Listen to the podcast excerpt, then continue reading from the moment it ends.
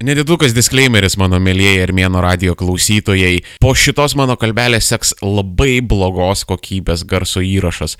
Kodėl taip yra, aš absoliučiai neįsivaizduoju. Tiesiog panašu, kad po mano streamo kažkas susifakapino mano audio settingsuose, aš antrą dieną ties šituo reikalu krušuosi, knisuosi ir tiesiog reikia paleidinėti šitą epizodą mane jau pykina nuo perrašinėjimo, nes aš man atrodo jau perrašiau jį galbūt trečią kartą. Ir šitas dabartinis įrašas eina per kitą kantuperį, galų gale man reikia eiti šventę švesti, reikia prisigerti, reikia prisivartoti kokybiškų narkotikų, sutikti naujuosius metus kartu su Faro kūrybinė grupe ir tiesiog show must go on. Tai Hebryte, jeigu jūs turite kokių nors pasiūlymų ar minčių, kodėl taip įvyko, kodėl USB mikrofonas po streamo į YouTube pradėjo taip šudinai įrašinėti su tokiu klaikiu bitreitu Windowsuose, Tai labai laukiu jūsų komentarų ir paaiškinimų, bet man atrodo, kad tiesiog reikalai eina link to, kad nahui reikės perinstaliuoti visą kompą ir tiesiog pradėti viską iš naujo. Tai žodžiu, garso kokybė ne pati fantastiškiausia, bet pabandykim šį kartą susikoncentruoti į turinį,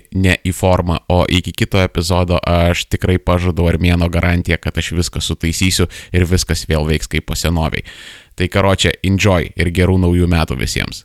Amerika pradeda užkariauti kosmosą, internetas nyksta, Putinas vis dar yra dalbojobas, o krizės gali būti kurį laiką nebus.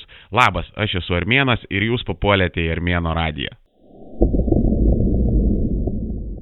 Skaitau, kad su šių 2018 metų pagal armėnų kalendorių 1467 metų pabaiga reikėtų biški padaryti tokią nedidukę rezumė, prasibėgti per pagrindinius įvykius ir čiūčiut pakomentuoti šiandien ir ten.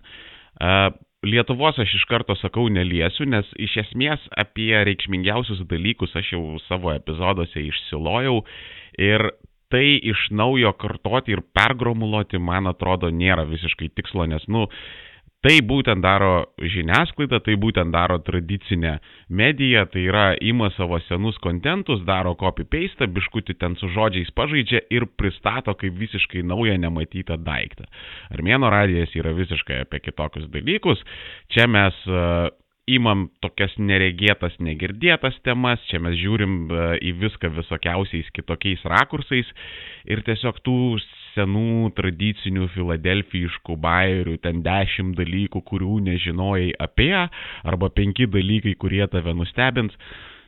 To aš nenoriu daryti ir to aš nedarysiu. Todėl jūsų džiaugsmui ir dėmesiui yra keletas dalykėlių, įvykusių šiais metais, kurie labiausiai mane užkabino ir mano galva duos didžiausią poveikį artimoje ir tolimoje ateityje. Tai yra, aš pasistengiau atmesti 95 procentus to tokio balto triukšmo, nuo kurio ten nei šilta, nei šalta, ir susikoncentruoti į tai, kas šitoj kūdroj duos didžiausius ir toliausiai siekiančius ratilus. Tai ir karo čia važiuojam.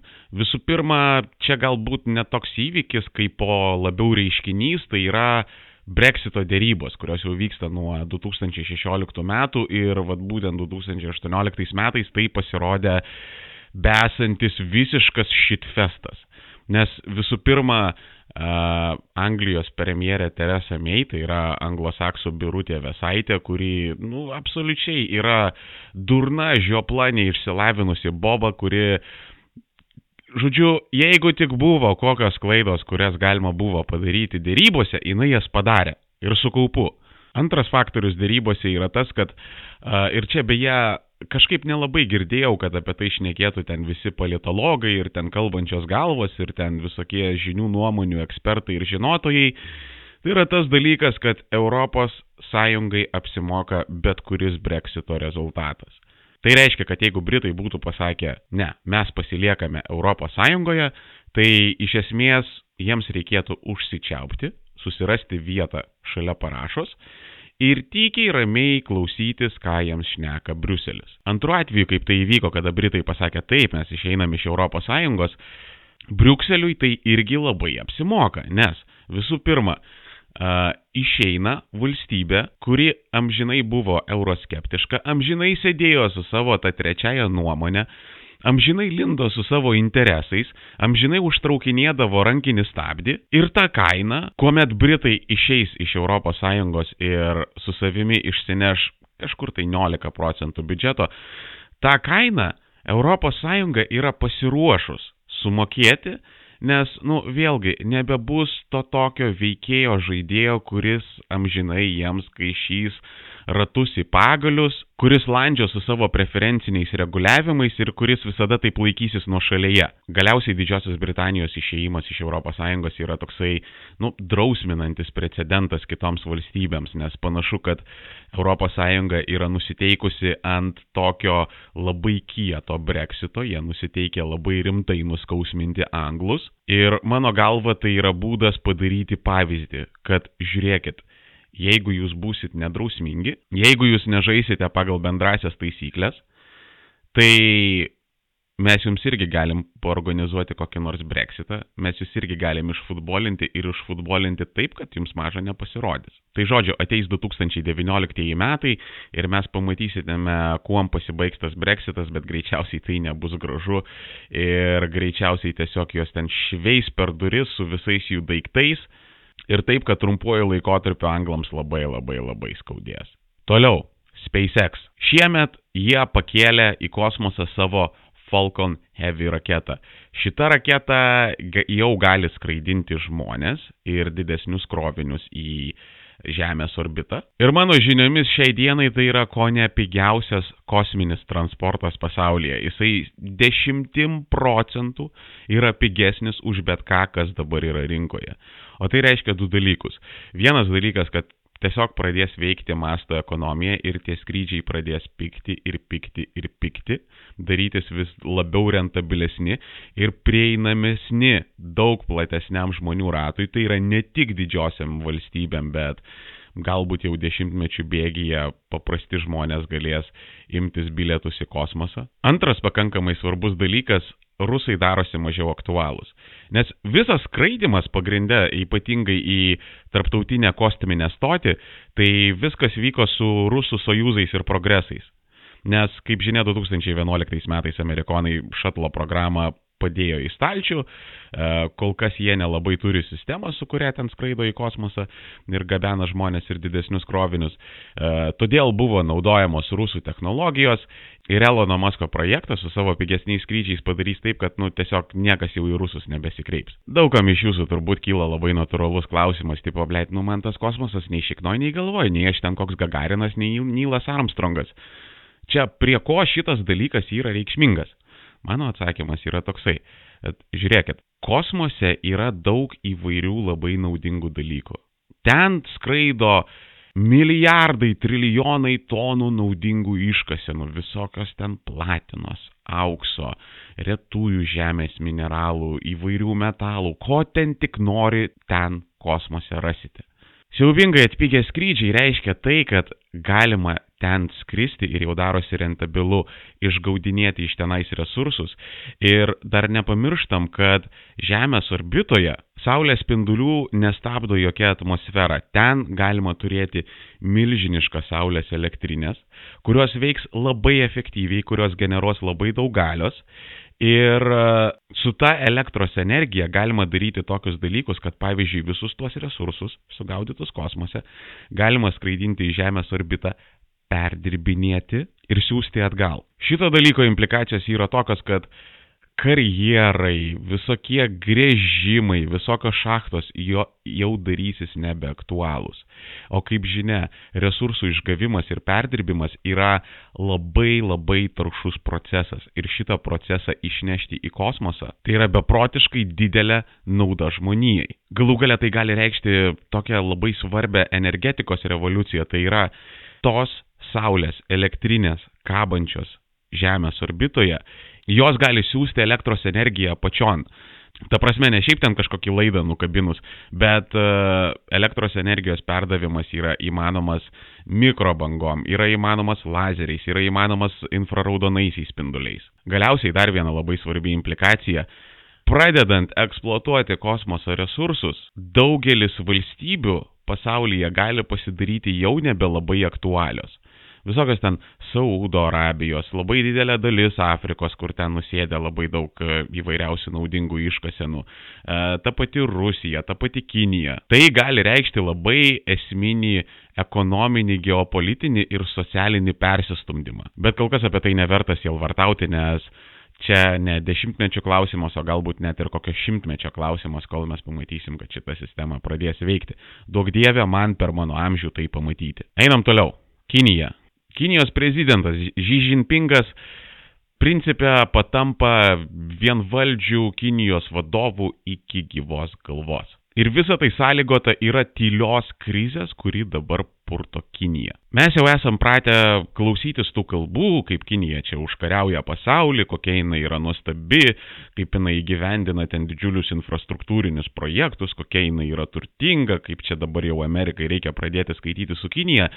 Bet ko nors verti ekonomistai, kada jie pasižiūri į Kinijos skaičius, jie dažniausiai gūšteli pečiais ir sako, mes nežinom, iš kur tie skaičiai yra nupaišyti ir paimti. Labai geras iliustracinis pavyzdys, e, kada 2009 metais paskinus beveik penktadaliu krito elektros energijos suvartojimas, beveik ketvirtadaliu krito pervežimai e, fūrom, geležinkeliais, lėktuvais, baržom, kuom tik nori kada šitie dalykai krito, kurie kalba apie labai didelį gamybos nuosmukį. BVP augo, jeigu neklystu, kažkur 6 ar 7 procentais, nu, kas tiesiog yra neįmanoma. Tai todėl labai daug žmonių labai pagristai abejoja Kinijos teikiamais skaičiais ir rezultatais. O pasižiūrėjus dar giliau, gavus informaciją iš vietoje esančių žmonių, mes matom, kad Kinija turi labai rimtų skolų problemų. Jis yra iki paskutinio siūlelio prasiskolinus. Ir e, čia mes visada žiūrime ten kokią nors Ameriką, iki kokią nors Graikiją ar Italiją, kad va šitie svoločiai yra prasiskolinę, čia jau jie subankrutavę, ten taip toliau ir panašiai. Bet Kinija yra prasiskolinus ne ką mažiau. Ir visi tie pinigai nenuėjo į realią ekonomiką. Visi tie pinigai realiai buvo sudeginti. Nes matot, Kinijos sistema yra labai iškreipta, nes uh, yra elitas ir yra likusi Kinija. Elitas tai yra partija, elitas tai yra aukščiausios grandies biurokratai, tai yra oligarchai, tai yra kažkokie stambėjai industrialistai ir verslininkai. Ir uh, tas elitas, jisai gyvena tokioje unikalioje sistemoje, kur, nu, vat, viskas, kas geriausia iš socializmo ir kapitalizmo, eina būtent jiems. Tai yra, Uh, jų niekas nereguliuoja. Jeigu tu nori teršti, pilti radioaktyvės atliekas į vandenį, pilk, niekas tavęs nei pirštų nepalies. Tu nori staigiai greitai gamyklą pasistatyti ir ten, kad tau popieriai būtų visi sutvarkyti praktiškai akimirksniu ir ten nei šuva nesulotų. Viskas tvarkoja, viso, mes tavim pasirūpinsim. Uh, Tu susidūrei su finansiniais sunkumais, o Jėzus, jokių problemų, va prašau, tau beprocentės paskolos, tau subsidijos, tau garantijos. Uh, nori eksportuoti, prašau, tau subsidijos eksportui, viskas, einam, tu, tu tik pardavinėk, tu tik daryk, viskas tau yra zaibys. Tai čia kalba yra apie elitą. Likusi Kinija, jinai viską gauna blogiausio iš socializmo ir kapitalizmo. Tai yra, uh, jie pastoviai yra reguliuojami, juos pastoviai duhina visokios tarnybos, yra labai sunku kažką pasistatyti, įsisteigti, reikia vaikščioti per kabinetus, reikia rinkti popierius, tave pastoviai rūrina visokios institucijos. Kita vertus, socialinės apsaugos ten principė tokios kaipo ir nelabai yra. Jis nebent priklauso galbūt uh, valdininkams, bet privačiame sektorijoje ten, nu, galima sakyti, kad jos nėra. Ten yra draudžiama organizuotis. Susibėgus į profsąjungą tenais galima net ir mirties bausmę apturėti. Jeigu tu rimtai susirgai, arba tiesiog pasenai ir išėjai į pensiją, arba likai invalidų, ten kokį nors klipatą, tai sucks to be you. Realiai niekas tavim tenais nesirūpins. Ir vad visos tos paskolos, visi tie pinigai, jie būtent suėjo uh, į Kinijos elitą. Ir ką jisai su jais padarė, tai, nu, pristatė krūvas miestų vaiduoklių. Uh, pristatė nereikalingų gamyklų, nes, nu, vat, uh, atėjo iš partijos užduotis, kad, vat, reikia įdarbinti tiek žmonių. Nu ir poh, ir tu negalvoji, tiesiog atpisi kokią gamyklą, įdarbini to žmonės ir viskas, ir tau yra ramu. Ką po to tu su jie darysi, kas tavo produkcija pirks, kur tu ją dėsi, galvosim apie tai vėliau. Ir Esminė Kinijos problema yra ta, kad jie visada važiavo ant pigios darbo jėgos. Ir ant šito arklio galima kurį laiką pajoti, bet po to tu susiduri su problema. Nes arba tu kažkaip turi pradėti dirbtinai mažinti algas, arba tau reikia išeiti į aukštesnės pridėtinės vertės segmentą. Kinai praktiškai aukštesnė pridėtinė vertė ir kažkokiais know-how ir inovacijom jie visiškai nesirūpino labai ilgą laiką. Ir pas jos planas huliganas buvo toksai, kad banaliai šnipinėti. Tiesiog infiltruotis į tarptautinės kompanijas, į visokius Google'us ir Apple'us ir nesikį buvo sugaudyti žmonės, kurie uh, jau net gimę yra Amerikoje, ta prasme, ne tai, kad iš Kinijos atvažiavę, jau net Amerikoje yra gimę. Ir e, jie buvo užverbuoti praktiškai nuo vaikystės ir jų darbas buvo tiesiog labai gerai mokytis, ir įsitrinti kur nors į tą tarptautinę korporaciją, įsitrinti į kokias nors aukštas pareigas ir po biškutį pradėti lyginti jiems duomenis. E, plus Kinai per visokius ten savo Huawei'us, ten ir e, kitokius savo gamintojus pradėjo dėkti uh, šnipinėjančius mechanizmus į savo parduodamas komunikacinės sistemas ir per ten irgi pradėjo traukti labai daug informacijos. Jų nuomonė buvo tokia, kad, nu, okei, okay, mes šitus know-how bairius prašoksim, mes prisipyzdinsim tų visų inovacijų ir e, susikursim savo bazę ir po to ant tos bazės statysim. Bet, nu, vakaruose visi ne pirštų daryti yra toli gražu. Ir jie pamatė, kad palauk, e, mes dar šito telefono neišleidom, o jau Kinijai yra pardavinėjamas beveik jo klonas. Ne, ne, ne, vyrai, taip nebus. Ir tiesiog automatiškai pradėjo labai smarkiai valyti savo gretas, labai smarkiai mėšti, labai smarkiai užsijėmė saugumu ir Kinija po truputį gauna graužt morką. Tai karočią, gaunasi taip, kad pas juos a, aukštesnė pridėtinė vertė reikalai nelabai kvepia, jie labai puikiai moka kopijuoti ir jie labai puikiai moka a, tobulinti esamas technologijas, bet kažko naujo ir ten su proveržiais jie sukurti negali, o va ten va būtent yra didžiausi pinigai. Statistinė kino darbuotojo alga darosi vis aukštesnė, vakarų kompanijoms darosi vis mažiau rentabilu tenais dirbti ir mes matome tokius dalykus, kad jau prasideda toksai kraustimasis tai į Malaziją, tai į kokius Filipinus, tai į Tailandą, tai į Etijopiją ir todėl šiemet mes matom dešimtis milijonų žmonių masiškai atleidžiamus iš kiniškų kompanijų. Tai, karočią, mes turim nekonkurencingumą, mes turim besitraukiančias rinkas ir mes turim tokią labai didelę socialinę įtampą, nes kaip ir minėjau, likusi Kinija, jinai praktiškai yra paliktas likimo valiai, prasme, daryk krapštykis kaip tu nori. Ir tu realiai net negali išreikšti nepasitenkinimo dabartinę situaciją, nes jeigu vdruk ką, tu turėsi labai rimtų problemų. Ir Kinijoje paradoksaliai dabar yra rizika, kad gali kilti kokia nors marksistinė revoliucija. Taip, komunistinėje Kinijoje gali kilti marksistinė revoliucija. Ir todėl ryšim su tuo, Xi Jinpingas pradeda labiau užsukinėti varštus, nes, nu, Nes, nu, autoritarai visada viskam turi vieną vienintelį sprendimą - kontrolę. Ekonomika šlubuoja - daugiau kontrolės. Socialiniai neramumai - daugiau kontrolės. Ir mes kaip tik matom, kad Kinai implementuoja tokią nu, praktiškai orvelinę sistemą su socialiniais kapitalais, kuri yra apie tai, kad kiekvienas žmogus bus labai atidžiai stebimas, kiekvienas jo veiksmas, kiekvienas jo pasakytas žodis ir pagal tai tu rinksi tam tikrus, galima sakyti, karmos taškus. Ir kuo tu daugiau turėsi tų karmos taškų, tuo tu būsi, sakysim taip, respektabilesnis žmogus.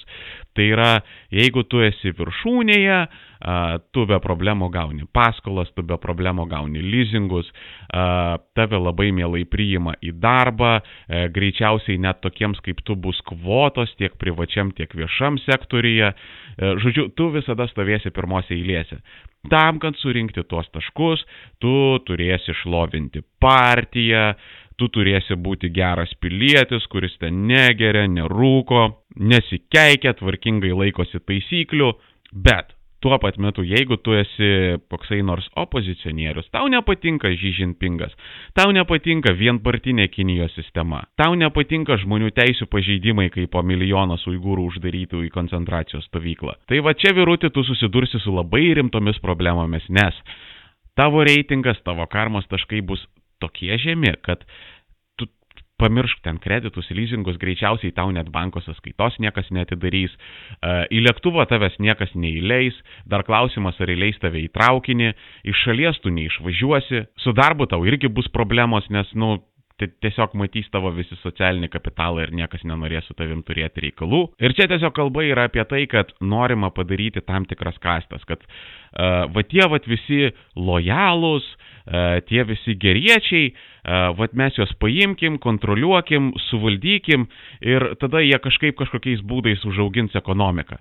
O vat tie, vat, kurie yra nepatenkinti su savo ten alternatyviom nuomonėm, tai mes davai juos atskirai izoliuokim, uždarykim į savo cistas ir tegul jie tenai tyliai ramiai ir sėdi. Bet fundamentaliai mes jau matėm tai milijoną kartų. Mes matėm tai uh, Sovietų sąjungoje, mes matėm tai Kuboje, mes matėm tai Šiaurės, mes matėm tai visose totalitariniuose režimuose, galima sakyti, net pradedant nuo prancūzų revoliucijos 18 amžiuje. Mes matėm, kad kuo daugiau kontrolės, tuo daugiau chaoso. Ir mano galva, ilgojo laikotarpiu, jeigu, tarkim, po dešimtmečio kito mes pamatytume, kad Kinija pradės birėti lygiai taip pat, kaip subirėjo Sovietų sąjunga, aš būsiu absoliučiai nenustebintas. Nes jau dabar plika akim matyti, kad Kinijos stebuklas te buvo apgailėtinas melas ir aš niekada nepamirštu istorijos. Aš labai gerai atsimenu, kaip amžininkai irgi šnekėjo praktiškai kokių 70 kilintų metų.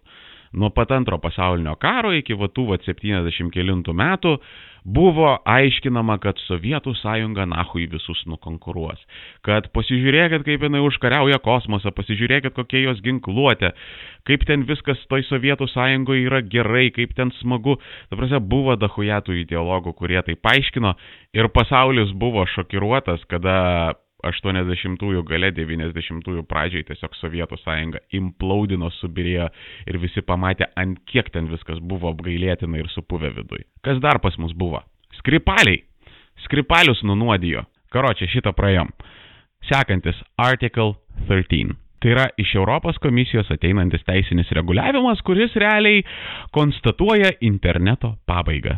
It's been fun, guys, bet ruoškitės kad internetas taps uždarų sodų, jisai taps toks labai švarus, sterilus, išcenzuruotas, nu, tokia televizijos kopija, bet interaktyvi televizija, va tai va bus. Nes Article 13 šneka apie tai, kad visos platformos, kuriuose yra laikomas koksai nors kontentas, jos privalės jį atfiltruoti ir dėl autorinių teisių, ir dėl ten kokių nors negražių dalykų, ten kaip rasizmas ar antisemitizmas ir panašiai. Ir e, tokio filtravimo įgyvendinti neįmanoma. Arba tu turi samdyti ten tiesiog nesuvokiamus milijonus žmonių, kurie rankiniu būdu viską bandys tai uh, suvaldyti. Arba tau reikės algoritmų, bet algoritmai niekada nebūna tobuli, todėl bus filtruojama nahui viskas. Ir jeigu tik tai kažkas pasirodys čiut čiut rizikinga, čiut-čiut ant ribos, viso, tai bus kaip kirvių nukirsta. Ir mes matysime masinius deplatforminimus, mes matysime masinius banus, ten iš įvairiausių socialinių tinklų, ten YouTube kanalų ir panašių dalykų. Ir tai nėra savaime blogai, nes kas pasakė, kad internetas yra komunikacijos viršūnė, kad sekančio interneto būti negali. Article 13 savo ruoštų vad būtent tai ir padarys. Jisai sukels didžiulį interesą sukurti naują komunikacijos protokolą, kuris gali būti bus decentralizuotas arba kaip tik labai apsaugotas, kad saugumas, anonimiškumas jau bus integruotas į pačią sistemą, o ne bus kažkoks abstraktus papildomas anstatas ir visa tai bus orientuota į maksimalę žodžio laisvę. Nes, matot, pats internetas jisai sprendė porą tokių esminių problemų. Tai yra, na, nu, viskas prasidėjo nuo spausdinimo preso, po to atsirado radijas, po to atsirado televizija. Ir internetas jisai iš principo buvo šitų dalykų natūrali evoliucija, tai yra, jisai sprendė interaktyvumo ir prieinamumo problemą. Nu, kaip PVZ. Anksčiau televizijos negalima buvo atsukti, pražiopsoji laidą, tavo problemos. Anksčiau, jeigu tu išmetėjai laikraštį, tai tu negalėjai iš naujo perskaityti to straipsnio. Tau reikėjo eiti į biblioteką, ieškoti to paties laikraščio ar ten rausti šiukšlių dėžiai, kad tu galėtum dar sėki paskaityti straipsnį ir jį prisiminti. Internetas, va, būtent šitas problemas sprendė, tai yra e, prieinamumas informacijos visada ir visur ir visom aplinkybėm ir tai yra interaktyvumas. Kad tu nesi pririštas prie laikrodžio, tau nereikia laukti laidų. Tu gali pradėti žiūrėti, užpauzint, pasidaryti kavos, pasismaukyti, dar pažiūrėt, dar pasismaukyt, dar pasidaryt kavos, vėl pažiūrėt, nu karočią, mintį supratot. Bet e, dabar atsirado problema su žodžio laisvė. Jinai po biškutį yra ribojama ir e, visa tai eina per e, autorinės teisės, nes nu, norint apsaugoti autorinės teisės kaip įmanoma geriau, reikia realiai sutrypti žodžio laisvę nahu į šipulius. Tai sekantis internetas jisai būtent šitą problemą spręs. Kaip padaryti taip, kad tu nebūtum arbitraliai išbanintas, kad tu neturėtum problemų, kad tu būtum anonimiškas ir kad tu saugiai ir anonimiškai galėtum dalintis informaciją. Vėlgi, mano galva, dešimtmetis kitas ir mes jau pamatysime naują dabartinio interneto inkarnaciją. Ir ko gero, vėlgi po to paties dešimtmečio kito, į šiandieninį internetą mes turbūt žiūrėsime, kaip po dabar jaunimas žiūri į televiziją. Kas dar pas mus buvo? Skripaliai. Katruos nunuodijo Rusijos garau.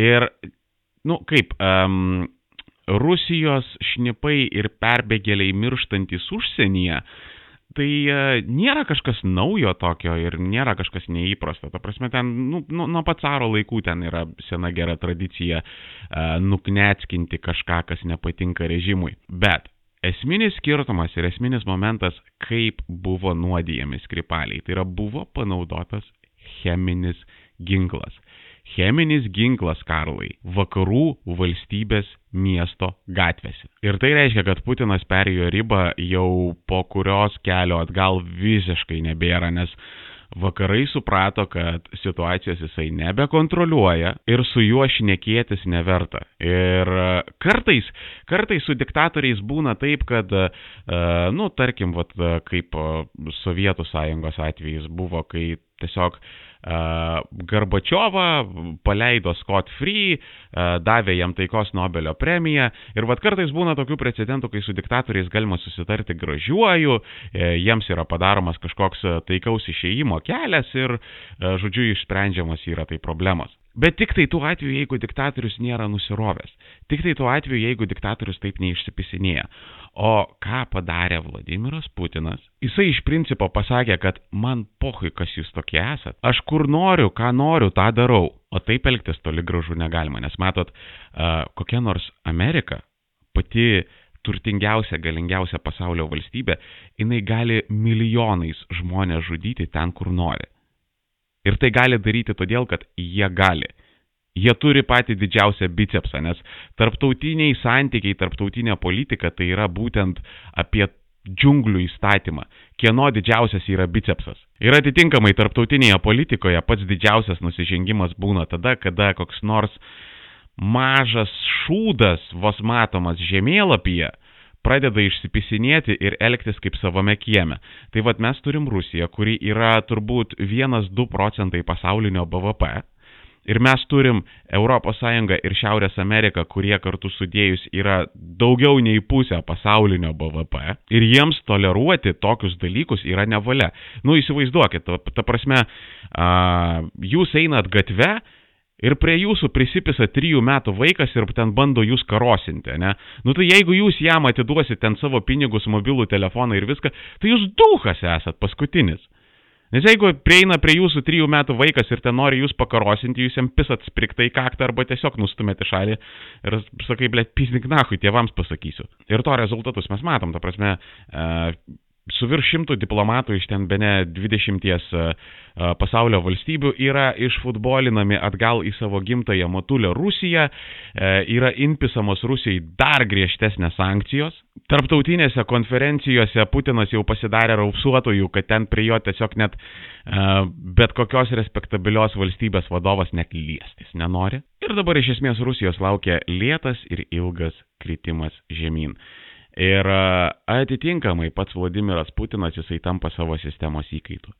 Nes visų pirma, jau kažkokio dylo jisai su vakarais nepadarys. Jisai jau išėjimo kelio kaip po Garbačiovas neturi. Jeigu jis atsistatydintų, Rusijoje jam vietos nėra, nes jisai būtų pavojingas bet kokiai sekančiai valdžiai atėjusiai po jo, nes visi prisimintų seną gerą Volodę Putiną, vad kuris buvo stabilumo garantas, jis turėjo huieną reitingą, o čia kažkokie nauji atėjo.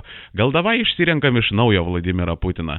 Ir uh, todėl naujai valdžiai jisai būtų pakankamai rimtas konkurentas, uh, pakankamai pavojingas savo aukštais reitingais ir jie tiesiog pasirūpintų kaip nors jį nuimti. Į vakarus jisai pabėgti negalėtų, nes mano galva tenais e, jo lauktų įvairūs ten žmogaus teisų tribunolai. Užbaiginėti dienas ten kokiai Sirijoje ir Venezueloje irgi nėra labai faina. Kažkokių rimtų reformų Rusijoje jisai daryti negali, nes reformas reiškia savo paties aplinkos išdavystę. Tai yra, tu turi paimti visus tos uh, oligarchus, uh, visus tos tavo ministrus, vis, žodžiu, visą tą tavo svitą, kuri aplink tave sukosi ir kuri mito iš Rusijos ekonomikos, kuri šitiek laiko gyveno iš korupcijos ir atkatų, tu ją turėsi išduot, nuskausmint ir susodint. Ir tai nėra variantas, nes galbūt po vieną tie oligarchai jie nėra įtakingi, bet kartu susivienyje jie bus daug stipresni už Vladimirą Putiną ir ten jau jam atsirastų pavojus, kad uh, gali lėktuvas, tarkim, jo prezidentinis iš dangaus netyčia nukristi ten skrydžio metu. Uh, gali duše paslysti ir aštuonis kartus ten galvą dėti plyteles. Arba, nu, šiaip ten žmogui virš 60 metų ten širdis gali paprasčiausiai sunegaluoti. Ir galiausiai paskutinė vinis Putino karsto yra tai, kad jisai ir status quo palaikyti jau nebegali. Nes tas status quo jisai išsunkia Rusiją, išsunkia ir nuskurdina Rusijos žmonės, mažina paties Putino autoritetą, mažina paties Putino reitingus. Nu ir karočiai viskas, čiuvakas įsispraudė kampe, nes uh, reformų daryti negali, uh, toliau status quo palaikyti jisai negali, uh, kažkur uh, bėgti irgi negali, tyliai ramiai atsistatydinti negali, viskas, jokių išeičių. Ir apskritai vienintelis dalykas, kodėl Raudonaja aikštė dabar nevažinėja amerikiečių šermanai, vienas vienintelis dalykas. Yra masinis naikinimo ginklas, kurį turi Rusija. Nes jeigu jo nebūtų, tai tiesiog e, klausimai būtų išspręsti labai greitai. Ta prasme, net nereikėtų kažkokios karinės intervencijos. Realiai užtektų arba, nu, va, paimti, papirkti ten dalį apsaugos, kad va, būtent ten koksai lėktuvas nukristų iš dangaus. Arba tiesiog e, keletą milijardų įmesti į opozicinės grupės, kad jos būtų jau pajėgios ten užpirkinėti PR, galbūt net ir balsus pradėti pirkti, e, jas taip gerai išpromautinti, užkačelinti, kad jos ten pradėtų kokį nors rimtą pilietinį judėjimą ir ten e, su laiku nustumti Putiną, arba tiesiog e, paimti grupelę jo vietinių oligarchų, pasakyti, kad žiūrėkit, vad Hebra, e, jeigu Putino nelieka, jums viskas yra atleista. Jūsų visi užšaldyti pinigai užsieniuose atsišaldo, jums jokių sankcijų nebėra, padarykit išvadas. Tuose, patį Putiną nuimti nėra sudėtinga, bet esminė problema yra ta, kas ateina po Putino. Ir kas gauna raudoną mygtuką nuo brandulinių ginklų. Tai tik tai dėl tų priežasčių vakarai tyliai ramiai laukia, žiūri, kuom čia baigsis, bando išskaičiuoti, bando pažiūrėti, kokios čia gali įvykti situacijos. Ir taip su šypsena mandagiai, taip atsargiai, taip išoniuką štyrina. Taip, cak, cak, cak, cak ir ten po vieną kitą kraujo lašą ir baigia nukraujuoti tą visą Rusiją. Tai žodžiu, šitoj valstybei artimiausiais dešimtmečiais irgi nieko gero nenusimato. Kalbant apie vadovus. Kalbant apie vadovus. Angela Merkel kaip tik šiemet pasakė, kad uh, nu, principiai išeina iš politikos, kad baigs e, kancleriauti šią kadenciją ir e, viskas. Basta. Išeina su visam. Ir čia irgi bus labai toli siekiantis ratilas, nes Angela Merkel ilgą laiką buvo toksai uh, Vokietijos ir bendrai Europos politikos begemotas, toks milžinas, kuris vienu antokiu krustelėjimo galėdavo kalnus pajudinti. Jinai formavo pagrindinės Europos doktrinas, jinai formavo pagrindinę Europos politiką. Ta prasme, e, pamirškite ten Europos parlamentą, pamirškite Europos komisiją. Angela Merkel jinai galėjo tiesiog koją duris atidarinėti ir pasakyti, kaip viskas vyks. Ir dabar, kada jinai išeina, jinai po savęs paliks labai didelį vakumą. Ir vargu bau, ar kažkas galės užpildyti tuos batus. Čia dabar kalba eina apie tam tikrą sistemą ir tai yra kaip mechanizmas. Ir Angelos Merkel išėjimas reiškia, kad iš to mechanizmo bus išimtas kažkoks labai reikšmingas smagratis. Ir e, ta sistema jinai dabar veiks nestabiliai, jinai bus neišbalansuota. Ir dabar neaišku, ar bus bandoma kažkaip e, pastatyti Angelos Merkel formos skylę kompensuojantį daiktą, kad sistema toliau veiktų, ar ją bus norima iš naujo perstatyti, nes Vokietijos politikoje, pavyzdžiui, atsirado Altraitas, Alternative für Deutschland, kurie nu, šiais rinkimais atėjo su dviženkliais procentais. Bet kuriuo atveju esminis dalykas yra tas, kad Vokietija kartu su Prancūzija Tai buvo tos dvi valstybės, kurios davė taktą visos ES politikai. Jau dabar mes matom tą situaciją, kad Angela Merkel prarado žiauriai daug savo įtakos, nes dabartinė valdančioji Vokietijos koalicija buvo sulibdyta iš šūdų ir pagalių.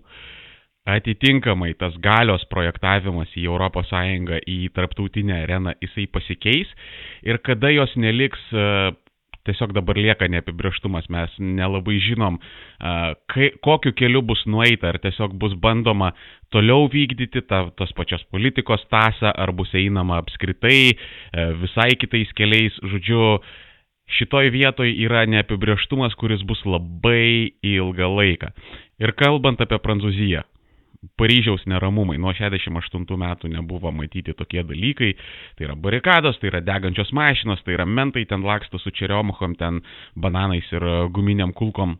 Ir visa tai yra dėl tokio vieno labai paprasto mažyčio dalyko. Prancūzijos prezidentas Emanuelis Makronas išėjo ir pasakė, kad Aš galbūt keliais centais pabranginsiu kurą. Galbūt. Ne, mes jau pabranginam, o galbūt mes pabranginsim. Ir prancūzai išėjo į gatves.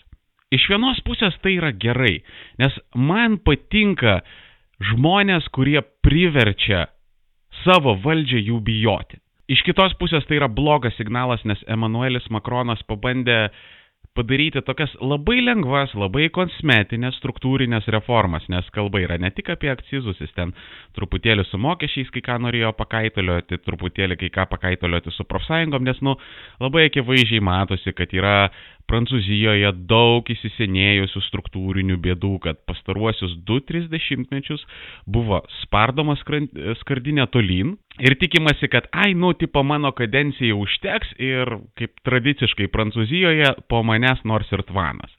Ir dabar jau ateina tvano laikas.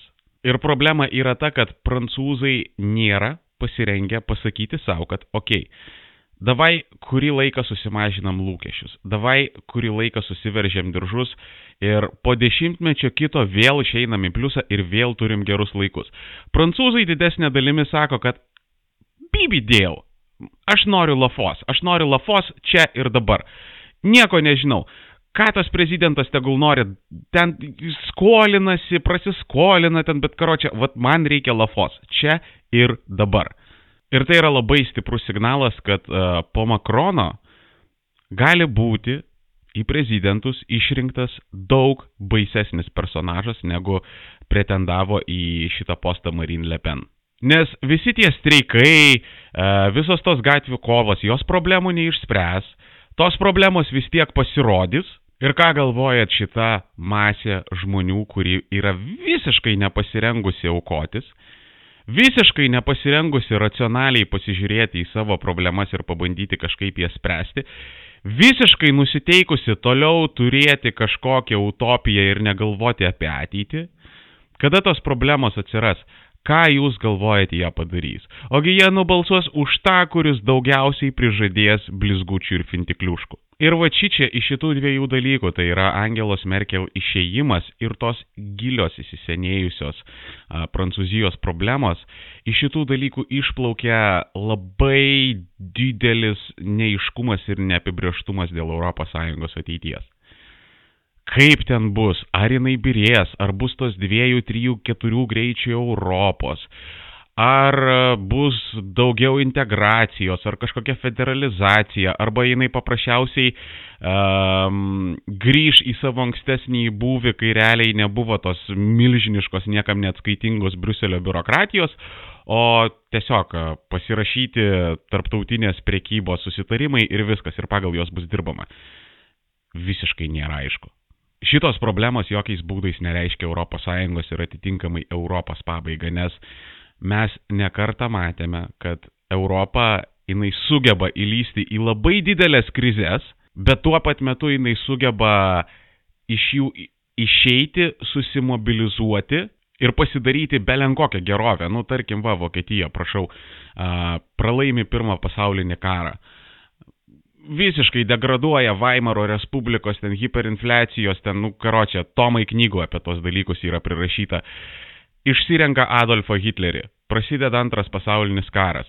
Pati Vokietija yra subombarduota, ištaškyta ir susprogdinta į šipulius. Po karo pilna Vokietija buvo benamių, klipatų, traumuotų žmonių, ekonomika šipuliuose. Ir ką jūs jau manot, porą dešimtmečių ir jinai tampa pasaulio inovacijų ir industrijos centru. Jinai su savo produktais pradeda nukonkuruoti visus nahui. Žodžiu, Europa per tūkstančius metų yra patyrusi labai daug transformacijų ir dabar jo bus kažkokie neapibrieštumo laikai, e, gali būti kažkokio altraito iškilimas, gali būti kažkokių, e, nu, tokių neofašistinių ar ten velvetinio fašizmo režimo, ar ten kažkokių socialistinių režimų gali atsirasti, bet e, suma sumarum daugiau mažiau, kadangi tai yra laisvi žmonės, kadangi tai yra išsilavinę žmonės, vieną gražią dieną jie tiesiog susipras, susimobilizuos ir iš tos dobės išeis. Nu ir galiausiai truputėlis naujametinio pozityvo, tai yra akcijų rinkos yra visiškam pesimizme. Aplinkui nematyti nei vieno buliaus vien tik tai meškos. Visi kalba, kad tuoj ateis krizė, visi kalba, kad tuoj pradės lėtėti pasaulio ekonomika Ir tai yra signalas, kad e, krizę dar kuriam laikui galima atidėti. Nežinau kuriam, mėnesiams, metams, bet kažkuriam laikui galima atidėti, nes nu, tiesiog yra toksai dėsnis sociodinaminis. Patvirtintas empiriškai labai daug kartų, kad dažniausiai, tai yra 9 iš 10 atvejų, kad dažniausiai, kada krizė ateina, jinai ateina ant maksimalaus optimizmo kada visi šaukia apie neregėtą ekonomikos pakilimą, apie ten siaubingai pabrangusias akcijas, kada visi tik tai puola investuoti, va tada, tada dažniausiai krizė ir pareina. O dabar matydami, kad DAO nukrito, kad S&P nukrito, galime truputėlį pasidžiaugti, kad dar įvyks kažkoks pikas, dar mes ten suvaikščiosim ir po to, ble, jie blankšti ir pareis turbūt. Taip kad su naujais metais, mėlyjeji, vartokit, pirkit, skolinkitės, lizinguokit, pirkit X5, pirkit būtus, nes būtai brangs, meskit viską į akcijas, visą savo santaupas, nes tik debilas neperka akcijų, taigi pakils kainos, viskas bus zaibys. Mesgi pasimokėm iš 2007 metų krizės, valdžia tikrai pasirūpins, kad tokio dalyko daugiau nebebus. Mesgi žinom dabar daug geriau, daug geriau suprantam ekonomiką ir apsisaugosim nuo šitų dalykų. O garsieji paskutiniai Gedimino Kirkilo žodžiai yra vis dar tebe aktualūs, labai siaubingai. Taip kad hebrytė, džiaukitės, vartokit, komentuokit pas mane, laikinkit, dislaikinkit, subscribinkit, įmeskit pinigų į Patreoną, nes Tuoj pamatysit, bus labai daug pinigų, nepagailėkit tų pinigų ir pačiam armėnui. Džiaugiamės gyvenimu, būkim pozityvus, būkim draugiški, mylėkim save, mylėkim kitus ir te gyvoja nausėda. Arba, kaip pasakytų mano bendratautiečiai, Nortarič Nuraborach perni. Hamete. Shabadabadashta, shabadabadashta, shabadabadashta, shabadabadashta, shabadabadashta, shabadabadashta, شبا دبه دشت دشت دش شبا دبه دبه سیر راخ چیک میشه سلالیس